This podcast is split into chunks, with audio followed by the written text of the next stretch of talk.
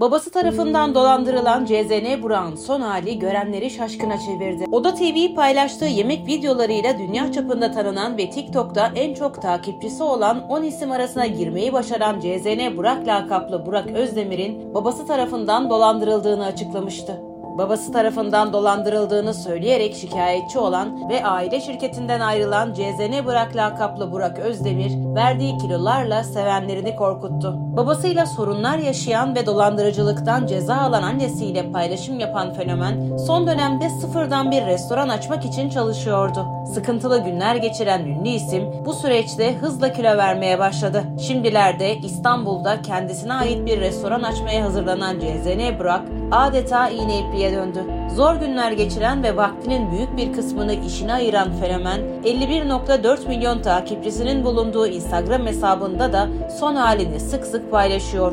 Genç ismin hızla kilo vermesi sevenlerini endişelendirdi.